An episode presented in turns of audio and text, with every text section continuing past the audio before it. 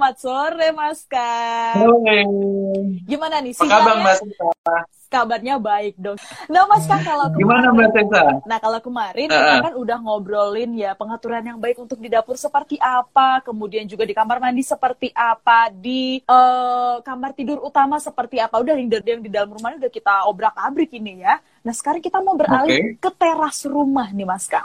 Sebenarnya Oke. teras rumah ini pengaturannya seperti apa sih? Karena memang teras ini kan sebagai uh, tempat transisi nih dari energi luar rumah dan juga dalam rumah. Nah ini apa aja yang perlu diperhatikan oleh sahabat Sonora? Betul.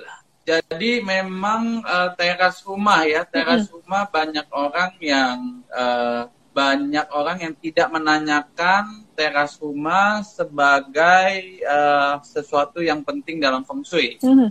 Padahal sebenarnya itu ada relasinya eh, dengan pasti dengan pintu masuk, pintu Hmm. utama. Mhm. Jadi nggak bisa diabaikan juga dengan feng shui teras rumahnya. Nah, eh, tadi Mbak Sesa bilang betul kalau teras rumah itu adalah tempat transisi ya, di mana kita bisa dapat energi baik Ya. eh, dari luar untuk bisa masuk ke dalam, ya. Maka kalau terasnya itu penataannya salah, pasti juga energi yang masuk, energi baik yang mau masuk itu bisa terhambat. Eh, contohnya apa aja sih yang bisa menghambat energi masuk di teras? Itu cukup banyak, ya. Contohnya adalah eh, tong sampah, misalnya Mhm. kalau kita peletakkan tong sampah salah, atau septic tank. Aha. Nah ini dua yang mungkin lebih gampang diatur mungkin tong sampah ya, karena kita tong sampah salah tempat ya kita tinggal geser. Ya. Tapi kalau septic, Septic tank, tank. septic tank kan ditanam. Mhm. Ya kalau salah itu ya bahaya. Gali lagi buat geser nih Mas Kang atau uh, Nah. terasnya nih yang digeser nih. Nah betul. Jadi em, septic tank ya kita Mhm. balik lagi. Kenapa septic tank tidak boleh? Ya sebelum sebelumnya kita udah bahas bahwa kamar mandi membawa energi negatif ya begitu juga dengan septic tank. Mhm. pasti membawa energi negatif. Ya. Maka peletakannya itu sangat pantang kalau let- eh, ada di depan teras atau pintu utama. Hmm. Hmm, itu eh, jadi tadi kita udah bilang eh, teras, eh, jangan ada tong sampah ataupun Septic tank. eh, septic tank. Mhm. Nah, lalu yang eh, orang suka luput juga adalah pohon. Nah, pohon itu boleh sah-sah aja ada pohon, ya. Tapi pohon yang seperti apa? Pohon yang harus dirawat dengan baik. Ya, jadi kalau pohon mati atau pohon yang sudah layu Mhm. itu sama sekali tidak diperbolehkan dalam feng shui karena itu dia juga memberikan efek yang buruk Mhm. terutama kesehatan bagi si yang punya rumah Hmm. Ya Em, pohon ya itu jadi hati-hati sama pohon dan tanaman Mhm. nah selagi kita masih ngomong eh, pohon atau tanaman nah biasanya banyak orang eh, yang bertanya bagaimana kalau dengan eh, sudut eh, teras dikasih pot atau eh, guci atau Ya. eh, pot yang ada tanamannya Mhm. Ya, itu boleh. Ya, jadi diletakkan di eh, sudut dari teras tersebut, Mhm. dikasih tanaman dan ada potnya atau ada gucinya, itu boleh, itu bagus, ya. Lalu saya juga pengen bahas tentang kanopi, kanopi Hmm. dari teras itu Oh, sendiri. kanopi berpengaruh Nah, juga ya Mas Kang ya? eh, kanopi itu banyak sekali yang model minimal eh, minimalis zaman sekarang ya Aha. dia bentuknya itu melintang. Ya dia bukan sejajar tapi dia melintang di atas pintu utama. Nah, ini Utama. ini kesalahan ya. Jadi kesalahan yang eh, sebenarnya orang juga eh, biasanya menyepelekan ini karena bentuknya dikira oke gitu. Karena Mhm. tidak mencurigakan ya. Hmm. Tapi kalau bentuknya dia melintang, dia tidak sejajar dengan pintu, maka itu bisa memberatkan uh, uh, sudut dari teras tersebut. Nah, jadi tidak boleh ada sudut lancip ataupun uh, barang atau unit yang bisa um, apa menghujam ya, Hmm. menghujam daerah teras Oh. atau pintu utama Mhm. Mhm. seperti itu. Oh, bahkan dari kanopinya juga berpengaruh ya Mas Kang ya. Yang letaknya di Iya. atas padahal ya. keseluruhannya. Bener-bener. Iya betul. Oh. Eh, lalu ada lagi kolam, Ha-ha. ya kolam Iya. Kolam ikan, hmm. kolam renang. Kan kadang ada orang yang mau peletakannya di depan, depan. pintu utama. Hmm. Ya itu boleh aja, asalkan kita bisa mengerti lagi. Uh, boleh nggak di uh, bagian pintu utama itu diletakkan uh, kolam ikan ataupun akuarium ataupun uh, kolam renang? Hmm. Ya, jadi boleh, tapi harus dihitung secara pribadi. Nah, ngitungnya Lalu ini ada gimana lagi, Mas Kang? Ngitungnya mestinya ya bertanya kepada ahli feng shui yang Langsung bisa menghitung. ya. Ngitungnya dari kepala ya, keluarga juga Mas Kang. nggak boleh sembarangan karena uh, apa elemen air ini tidak boleh terlalu berlebihan. Hmm. Ya, jadi kita harus seimbangkan dengan elemen lain yang ada di dalam rumah. Hmm. Kalau peletakannya salah, dia bisa terjadi ketidakseimbangan, hmm. maka ya banyak macam yang terjadi dalam rumah nanti. Ya. Oh, ya, okay. secara tidak langsung nanti orangnya akan merasa tidak enak, tidak betah mm-hmm. atau hal yang negatif lainnya. Ya. Ya. Mm-hmm.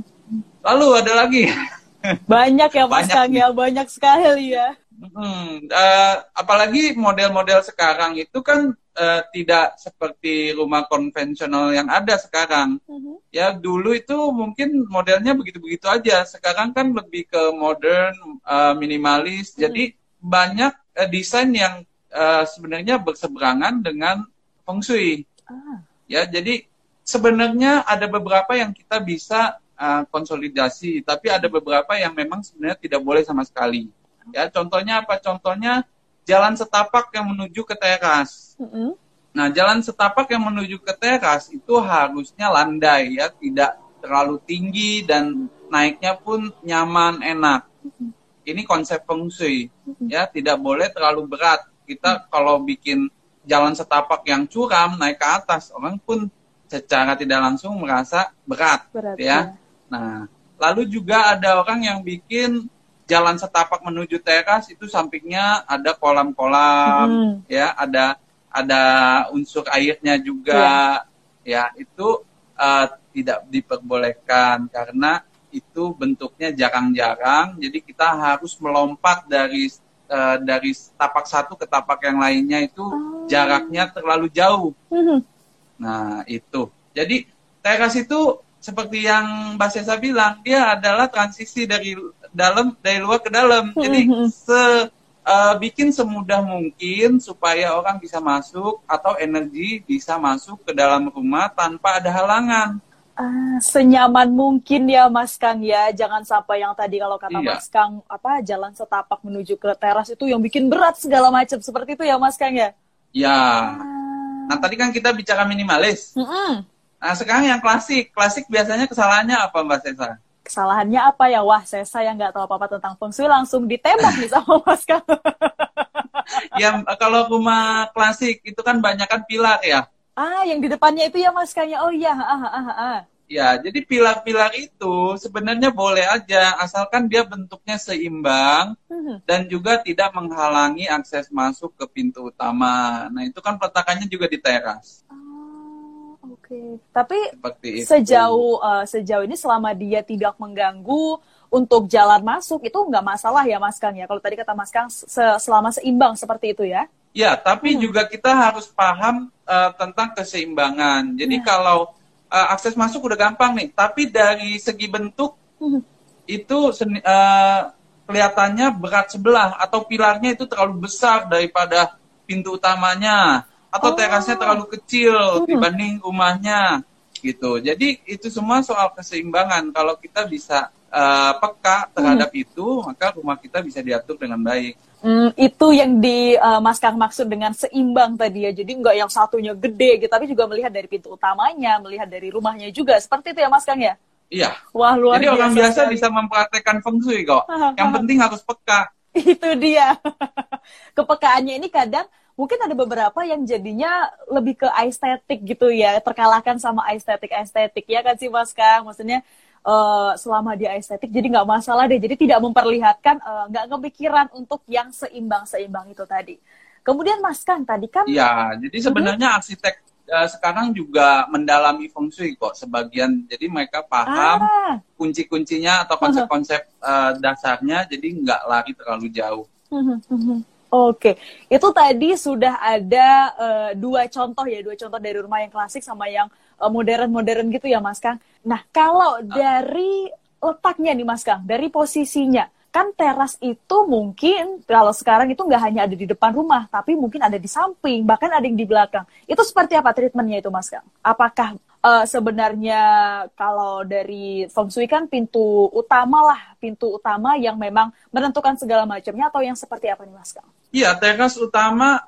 uh, teras kan dengan pintu utama itu selalu bersandingan. Mm -hmm. Nah, tapi kalau mau punya, kalau rumahnya hook, ada mau dibuatkan teras samping atau mm -hmm. belakang, ya silakan. Sebenarnya nggak masalah. Yang membedakan itu adalah ukuran pintu utamanya. Ya, jadi oh. ukuran pintu utama adalah ukuran pintu yang terbesar. Jadi kalau mm. mau punya teras samping, lalu ada pintunya, silakan. Tapi pintunya itu harus lebih kecil daripada pintu utama. Pintu utama. Oh, berarti ya semua fokusnya ada di pintu utama ya Mas Kang ya. Mau terasnya di mana, selama pintu utamanya adalah lebih besar daripada pintu pintu-pintu yang lainnya di rumah itu nggak masalah ya Mas Kang ya? Boleh kan hmm. mau duduk-duduk di samping itu ada taman, dia, di belakang Kang. ada taman, kan pasti butuh teras. Hmm, hmm, hmm, ya boleh, sah-sah aja. Karena itu mungkin apakah ada treatment lain nih sebenarnya kalau misalnya kalau tadi kan uh, Mas Kang cerita nih untuk uh, teras rumah yang ada di depan tadi. Nah, siapa tahu ternyata ada beda juga, tapi ternyata enggak. Itu tadi kalau untuk dari uh, lokasinya. Nah, kan kemarin ini ya Mas Kang sebelum Instagram Live ini, jadi saya sempat searching-searching juga nih, sempat googling juga.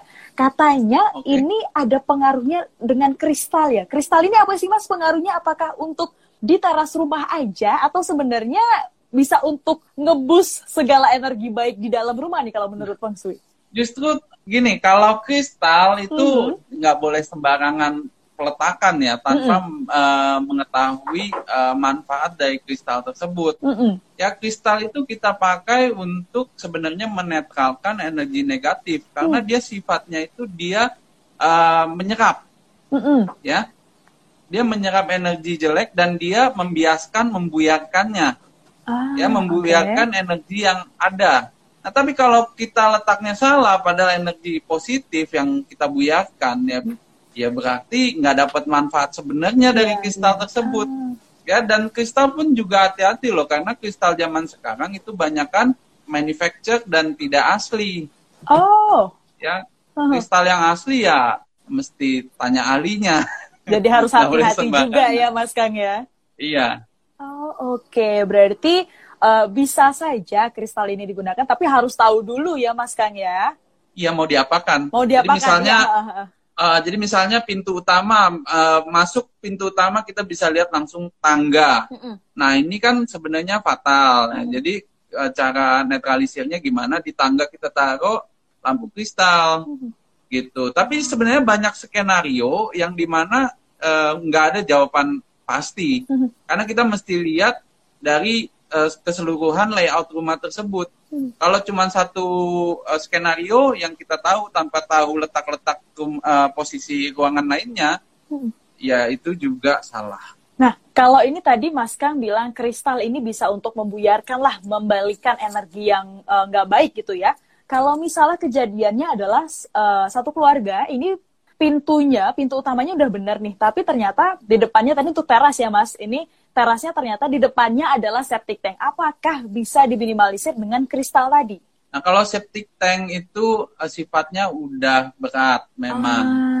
Ah. Ya, jadi uh, kalau kita pakai uh, lampu kristal itu uh-huh. bisa memberikan efek tapi tidak lama. Oh, ya, okay. jadi uh, kalau jalan terbaik untuk septic tank di depan uh, pintu utama atau teras itu harus segera dipindahkan Hmm, digali lagi dibongkar aja semua jadinya Mas Kang ya? Ya harus. Hmm, hmm, Coba salah itu memang jawaban yang ya. kejam. Oke, nah coba deh saya juga mau sapa nih ya untuk sahabat Sonora yang sudah bertanya juga ini ada dari Mike Bu 14. Sore Mas Kang, kalau posisi septic tank lebih baik ditaruh di mana ya? Kalau ditaruh di depan kiri rumah boleh atau tidak? Terima kasih. Oke, secara umum kan peletakan septic tank itu biasanya di depan, mm -hmm. di uh, garasi rumah, ya. Mm. Tapi memang kalau uh, secara feng shui itu ada hitungan di mana peletakannya juga harus di posisi uh, bagi si penghuni adalah posisi negatif, mm. Gitu. Jadi kita harus cari sisi negatif dari si penghuni, hmm. lalu peletakan septic tanknya mengikuti hitungan itu. Ah, oke. Okay. Hitung-hitungan lagi ya Mas Kang ya, ribet ya? ya, ribet ya. Jadi saya memang ribet. Makanya dia ada baiknya nih kalau sahabat sonora langsung dengerin aja setiap hari Senin ya Mas Kang ya. Pukul 16 tuh pasti ada Mas Kang yang akan menjawab setiap pertanyaan Anda terkait dengan Feng Shui ya. Itu tadi jawaban dari ya. Mas Kang. Hmm. Oke, terima kasih. Kemudian ada yang bertanya lagi nih Mas Kang. Dari uh -uh. singgahan.beta. Kalau teras di arah selatan rumah, ini bagusnya diberi tanaman apa ya Mas Kang? Dan untuk warna dan juga bentuk daunnya misalnya. Terima kasih. Uh, bagian selatan rumah. Selatan rumah. Itu ada pintu utama dan teras. Mm -mm. Kalau teras di arah selatan rumah, bagusnya diberi tanaman apa nih Mas Kang? Baik itu warna ataupun bentuk okay. daunnya. Oke, jadi kalau depan rumah itu udah pasti kita cari yang agak rendah. Artinya jangan sampai pepohonan atau bentuk tanamannya itu bisa menutupi keseluruhan dari pintu utama. Jadi yang agak rendah seperti contohnya bonsai, mm-hmm. ya. Nah, tapi kalau saya tidak terlalu paham sama tanaman, jadi boleh tanya uh, orang tanaman. Tapi yang pasti itu harus landai dan tidak terlalu tinggi hmm. bentuk tanamannya. Dan bagian selatan memang bagus dikasih tanaman. Hmm. Ya, dia akan memberikan uh, energi yang baik bagi si penghuni dan lebih memberikan semangat. Ah, oke. Okay. itu. Kalau itu apakah untuk tanaman hidup aja atau sebenarnya tanaman palsu juga nggak masalah tuh Mas Gang? Tanaman hidup. Tanaman hidup harus tanaman hidup berarti ya? Iya. Mm-hmm. Iya, karena kalau tanaman palsu itu jatuhnya bukan tanaman, nggak ada efeknya. Cuman untuk dekorasi itu aja ya? Dekorasi aja. Dan itu pengaruh juga untuk uh, setiap uh, apa ya setiap ruangan di dalam rumah gitu ya Mas kan. Jadi untuk tanaman palsu ini nggak ada nggak ada efeknya apa pun seperti itu.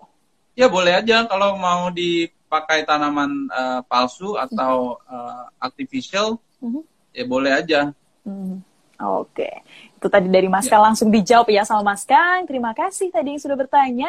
Kemudian ini mungkin agak geser nih ya Mas Kang ya pertanyaan bukan tentang teras mm -hmm. tapi ini ada yang nanya dari Lia Wiryanti. Selamat sore Mas Kang, mm -hmm. ini mau nanya tempat duduk toilet ini baiknya menghadap ke mana ya?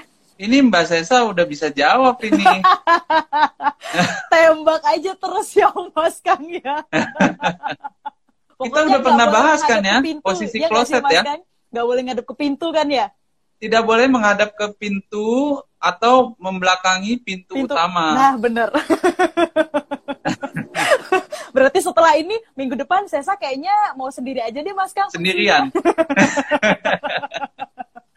ya jadi posisi kloset itu harus uh, horizontal hmm. ya dengan jalanan depan rumah. itu dia. Sesa langsung bisa jawab loh langsung lah nih udah langsung jadi keturunannya Mas Kang ini gimana nih Mas Kang? Merasa tersaingin nggak Mas Kang?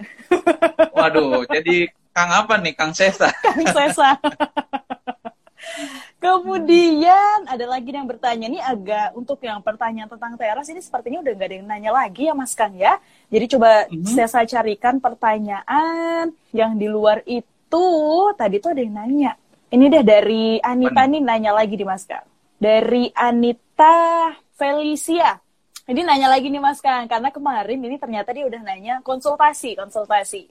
Uh, untuk jam lahir ini katanya salah. Jadi mau nanya ke Mas Kang, untuk 17 Februari tahun 1994 pukul 12 lewat 5 dini hari dan untuk warna apa nih sama un dan untuk warna apa sama merah dan putih yang dianjurkan? Warna apa yang hmm, yang dianjurkan ini? Warna apa yang sama merah dan putih yang dianjurkan? Maksudnya bagaimana nih? Nah itu dia Mas Kang, pertanyaan yang sama yang juga saya mau nanyakan ke Mbak Anita. Tapi okay. mungkin dari Mas Kang bisa uh, jawab untuk kira-kira warna apa nih dari tanggal 17 Februari 94 di pukul 12 lewat 5 dini harinya. Oke, okay. ini saya mesti ngitung sebentar nih. Kita ada waktu gak Mbak Sesa? hitung aja dulu Mas Kang nggak apa-apa. Hitung dulu nggak apa-apa ya? Nggak apa-apa karena biasanya ya Mas Kang ini request dari sahabat Sonora ini ya kalau kita udah selesai Instagram live pasti pada komentar tambahin lagi dong jangan cuma 30 menit doang gitu Mas Kang.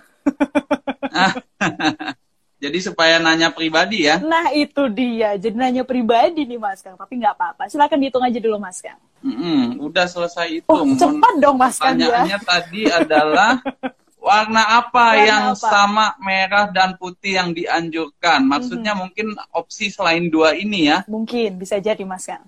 Oke, kalau warna eh, memang saya kasih yang eh, sebenarnya nggak disuka sama nggak disukai sama Anita. Hmm. Mungkin bingung kali mau pakai baju merah dan putih, tapi cara nyocokinnya gimana? Karena nggak suka. Mhm. Justru karena nggak suka, saya minta tolong dipakai supaya ada perubahan dari karakter dan eh, hidupnya. Jadi kalau yang disukai itu tidak memberikan efek perubahan. Jadi eh, masih sama bagi saya, tetap harus pakai baju merah dan putih. Oke, itu itu udah skakmat ya Mas Kang yang nggak bisa diganti harus tuh pakai Ya. merah dan juga putih. Suka nggak suka ya Mas Kang? Oke, terima kasih tadi untuk Anita juga sudah bertanya dan Mas Kang sudah 30 menit nih Mas Kang. Sudah 30 menit, terima kasih Mas Kang. Tadi sudah sharing-sharing juga untuk teras rumah, ya apa aja yang harus diperhatikan oleh sahabat Sonora. Jadi mungkin setelah Mas Kang ini memberikan beberapa tips dan juga saran-saran, silahkan coba dilihat lagi teras rumah Anda sudah sesuai atau belum. Kalau belum sesuai ya kan, nah nanti tenang aja Anda bisa ngikutin saran-saran dari Mas Kang kira-kira seperti apa. Mas Kang, kita ketemu lagi ya Senin depan. Thank you Mbak Sesta. Sampai Thank you ketemu Mas ya. Kang, sampai ketemu, sehat selalu.